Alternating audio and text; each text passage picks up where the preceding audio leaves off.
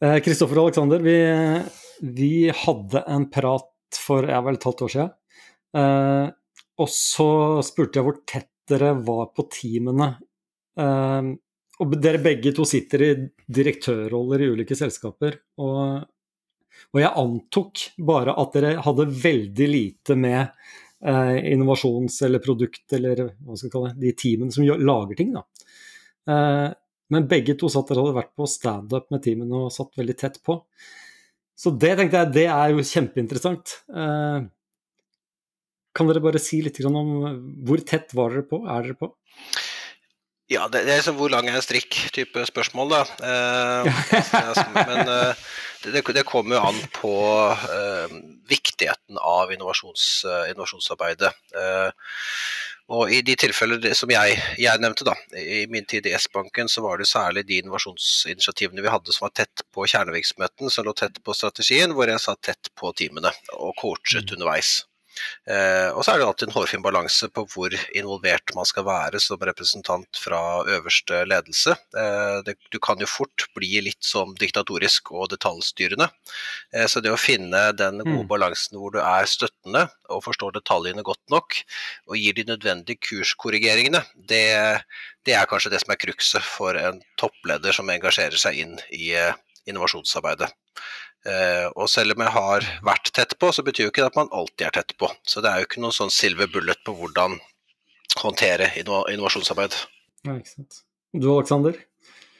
Ja, altså, jeg gjør det jo på, på veldig forskjellig måte avhengig av hva slags prosjekt det er. Altså Mesteparten av folkene sitter ute i masse prosjekter som jeg ikke er tett på. Eh, men så har vi noen egne det vi kaller radikale innovasjonsprosjekter. Der jeg sitter med, med ansvar for hva som skal eh, hvilke prosjekter vi skal velge og hva vi skal gjøre og sånn. Og da har jeg ukentlige standups med de for å få en, en, retning. Og så har vi etter hver sprint så har vi en, en større sesjon der også min sjef er med og tar beslutninger for enten å pivotere eller avslutte eller fortsette. Så, og det er veldig givende å være med på. Det er veldig gøy å være tett på folkene, masse dyktige fagfolk. Men som Kristoffer sier, så er det jo en hårfin balanse om man ikke skal være overstyrende og detaljstyrende. Det, det er demotiverende. Så den balansen prøver man jo å finne. Men jeg tror også man får en helt annen fart uh, og en helt annen buy-in fra oss som direktører når vi sitter tett på prosjektet og skjønner valgene som er tatt underveis ved læringen, ikke minst. For Det er vel lett å sitte og kritisere mm.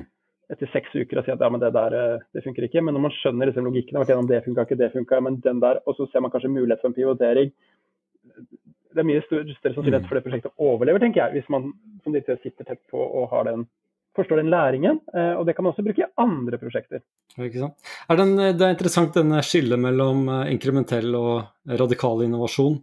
Jeg vil tippe, jeg antar da, at, at grunnen til at du velger å fokusere mer på det, er at det er mer sensitivt. Det berører det er, det er, noen avgrensninger, det er noen rammer som man kanskje ikke skal trå over, som kanskje ikke er like lett å bare formidle eh, generelt, men at, eh, at man må, må, styre mye tettere. Da.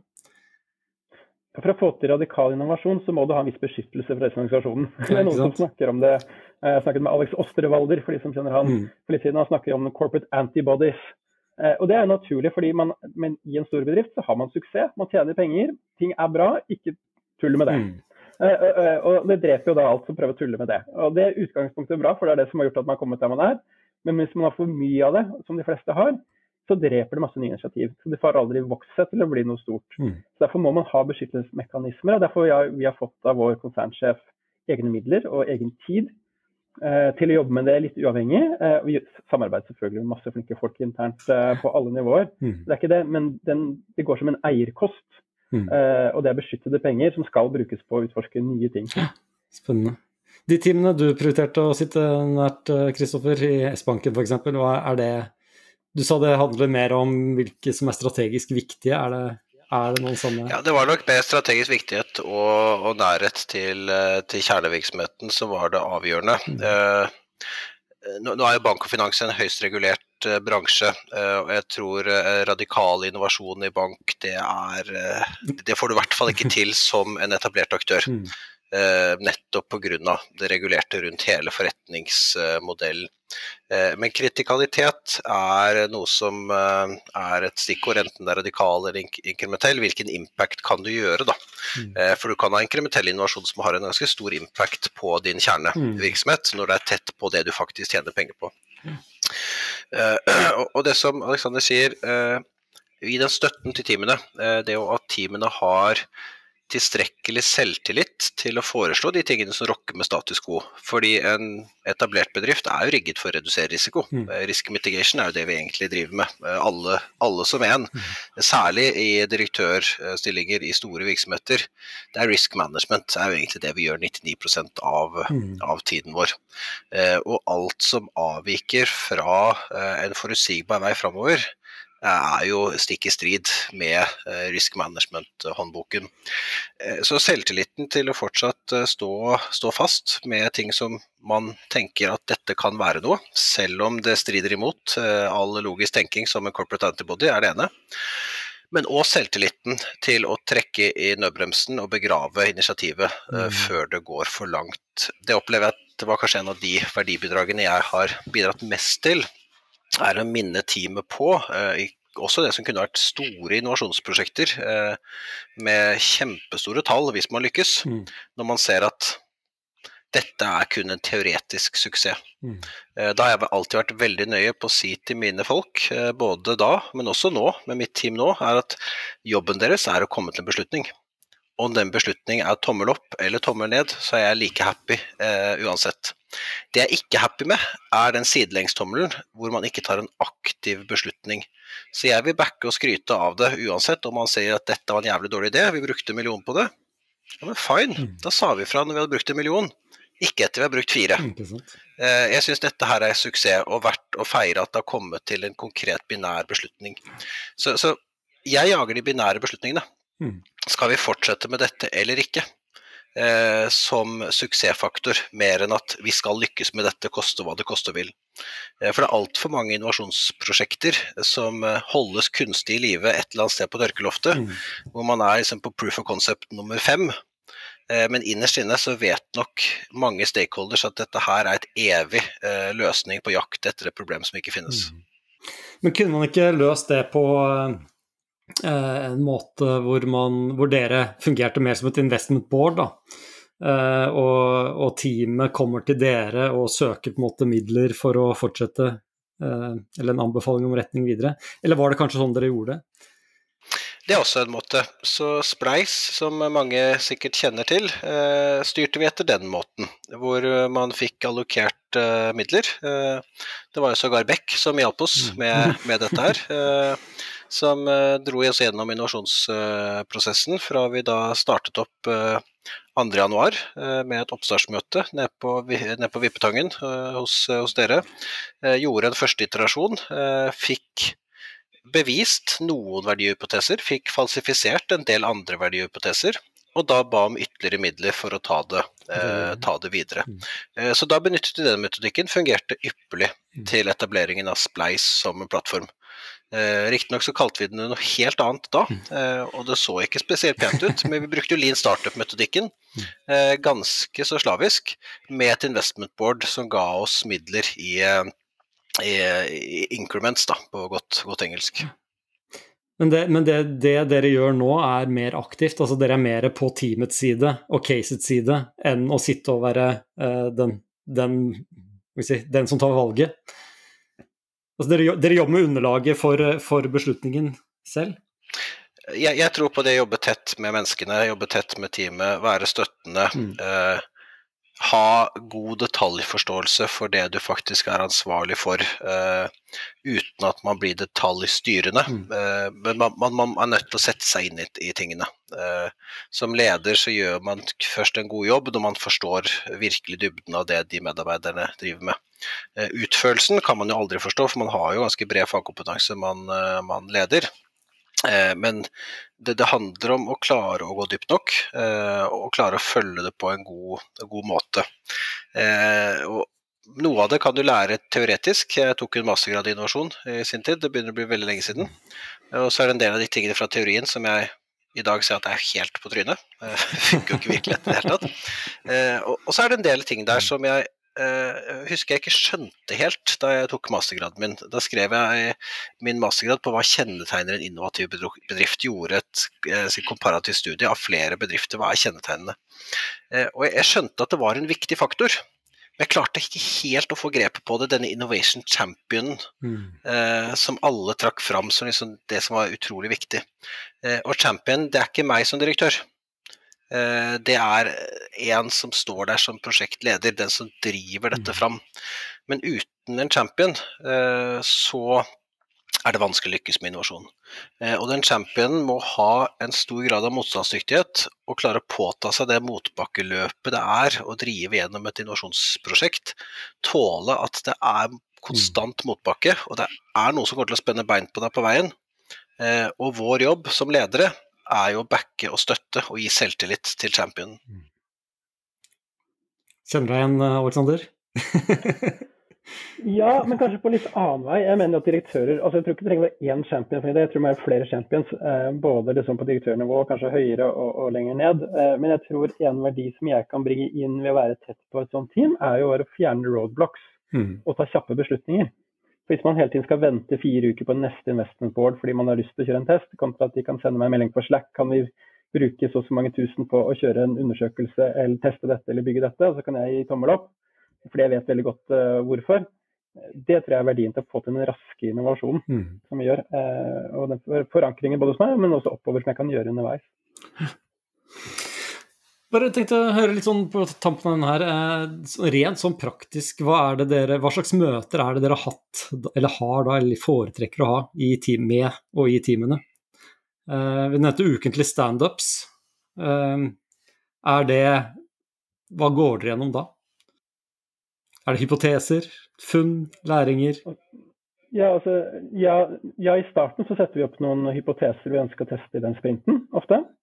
Og setter kanskje også en decision gates hvor f.eks. eksempel nå kjører vi en pilot med en stor norsk nettbutikk. Uh, der vi ser på en returrate, og vi har en sånn decision gate på at den skal være over en viss sum for at vi skal, uh, at vi skal gå videre. Så den ukentlige statusen handler mer om at teamet gir en status på hva de har gjort siste uka. Mm. Litt hva planlegger de framover, og eventuelt hvis det er noen roadblocks eller noen beslutninger de trenger fra meg. En standard, standard standup, mer eller mindre? Mm -hmm. Ja, men på et teamnivå, ikke individnivå. da, Standup ofte sånn at hver individ går gjennom og ser hva jeg har programmert siden sist. og hva jeg har gjort. Litt mer som hva, hva teamet har gjort, og hva teamet skal gjøre. Ikke sant. Men eh, ganske likt det. Ja. Gjør du det samme, Kristoffer? Det, det, lyder veldig kjent, og som sagt, det er jo ikke alle initiativene man er deltar på standupen. Det er jo kun eh, enkeltinitiativ man er med på de ukentlige standupene, men den, den roadblock eh, uh, ryddingen den, den, er definitivt viktig. Eh, for mm. man opplever jo når man deltar inn i et eh, slikt fora eh, og representerer et beslutningsnivå som ligger kanskje ikke bare ett, men to nivåer høyere opp, at det som oppleves som eh, egentlig u, si, hindringer man ikke kan forsere fra teamets perspektiv, kan man faktisk pull rank og gjøre noe med når man går mm. inn fra, eh, fra toppnivå. Så, så, det er en måte å få ryddet unna en del hindringer som virker umulige mm. fra et operativt, uh, operativt perspektiv. Uh, men, men, så handler det igjen altså, du må jo forstå hvilke problemer teamet står overfor. Og det er jo som Alexander nevnte innledningsvis, det gir jo en helt annen innsikt og en helt annen evne til å støtte enn den styringsgruppe hver sjette uke-involveringen, hvor du får en rapport innlevert. Og så er masse greier som er bak skjemaet. Eh, og så kan man sitte og heller velge å surmule i styringsgruppen hvorfor er ikke ABC på track, i stedet for å være med underveis og løse ABC. Ikke operativt, ikke detaljstyrende, men hva er det man kan gjøre. Eh, og noen ganger så er jo beslutningen enda et nivå opp. Det er jo alltid, det er alltid noen over, mm. eller alltid noen omstendigheter, det er eksterne faktorer. Mm. Eh, og det som leder oss å være ærlig på, enten hvis du ikke har svaret, sier vet du hva, jeg vet ikke. Mm. Uh, her kan ikke jeg gi deg svaret på. Uh, fordi det har jeg, jeg lært at som leder å kunne si vet ikke, er viktig. Uh, og flere ledere burde være ærlige på hva de ikke vet. Mm. Eller dette her er utenfor vår kontroll. det er ikke noe vi kan få gjort noe med akkurat nå, for dette her beror på faktor A, B, ABC. Mm. Så at man ikke kjemper mot vindmøller i teamet. Ja, for det, det er også utgangspunktet for at jeg stilte spørsmålet i utgangspunktet da, da vi snakket sammen i sommer, var, var, akkurat det jeg setter mest pris på ved å være i team, da, eller veldig, veldig tett på team. Det er den læringen som går fra dag til dag. Man møter noen små utfordringer, finner noen vei rundt. Og, og jeg ser jo veldig ofte i, hos ulike virksomheter at den læringen burde flere, og også ganske høyt opp i virksomheten, da, de burde hatt glede av den, de òg, men man sitter for langt unna. Så eh, det er vel kanskje det er et element av det òg, at man, man, starter på en litt ukjent reise, og så er det ting å oppdage og finne ut av underveis som, som dere da får mer kontakt med og være tett, tett på teamet. Om det er tekniske eller andre utfordringer.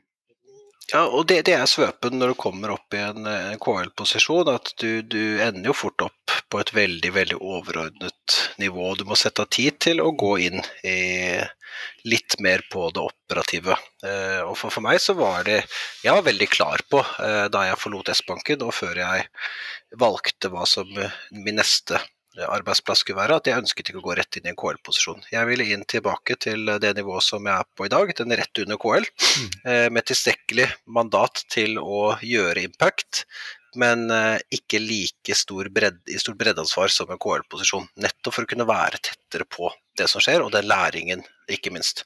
Jeg var ikke gammel nok for å da ta en sånn siste evig KL-runde inn, eh, inn, til evigheten. Da hadde jeg mistet den der touchen eh, på det som faktisk foregår. Mm. Så i min eh, nåværende rolle så har jeg jo betydelig mindre eh, kontrollspenn enn jeg hadde i min rolle i S-banken, og, og, det er jo fra et læringsståsted helt fantastisk. Mm. Eh, da kan jeg være tettere på enda flere prosesser eh, og bli enda flinkere i neste, neste omgang. Så jeg anbefaler alle å ha en sånn vekselvirkende litt opp og ned i organisasjonen. Jeg vet at i Eh, det er jo liksom forventninger når du først har kommet på C-level, så skal du forbli på, på C-level, alt annet er nederlag. Jeg var bevisst på at jeg ville ikke fortsette på C-level, selv om jeg har C i tittelen min. Mm. Eh, så har jeg fått en sånn fantastisk Libro-posisjon nå, hvor jeg er tilstrekkelig informert til å vite hva som foregår, men uh, har frihetsgrad til ikke måtte være med på alle de store, tunge beslutningene. Mm. Som, hva tenker du Aleksander? Er det sånn, sånn òg? ja, altså det er jo jeg startet jo som programmerer for over 20 år siden. Mm. Eh, og lærte med både som programmerer inn i team, som tech-lead, prosjektleder, leder av avdelinger eh, og nå en direktørrolle. Eh, og alle posisjoner er jo er veldig spennende og givende, og utfordrende på hver sin måte. Mm. Men jeg tror det er lurt, som Kristoffer sier, at man har, har den erfaringen. Da. Eh, og kanskje også velger å gå tilbake i tiden. Jeg tror det er veldig viktig å forstå helheten. fordi jeg har sett noen undersøkelser på hvor mye en konsernledelse faktisk vet om organisasjonen sin. Den prosentandelen er ganske lav. Skremmende lav. Og så tar man beslutninger fordi man, man føler man vet alt, så man får alle rapporter man kan spørre om alt. Men det er faktisk veldig lite de egentlig vet om hva som foregår. De får høre en versjon av noen som hører en versjon av noen som hører en versjon. Mm. Og det er veldig lett å glemme. Mm. Ja, Kjempebra. Takk for praten nå. Vi spiller kanskje inn en episode til. Takk skal du ha. Takk. Takk for gleden. Drypp er en lavterskelpodkast fra Beck, hvor vi diskuterer diverse temaer som interesserer oss. Og Hvis du har et tema som du har lyst til at vi skal snakke om, eller du vil være med på en innspilling, ta kontakt på drypp.beck.no.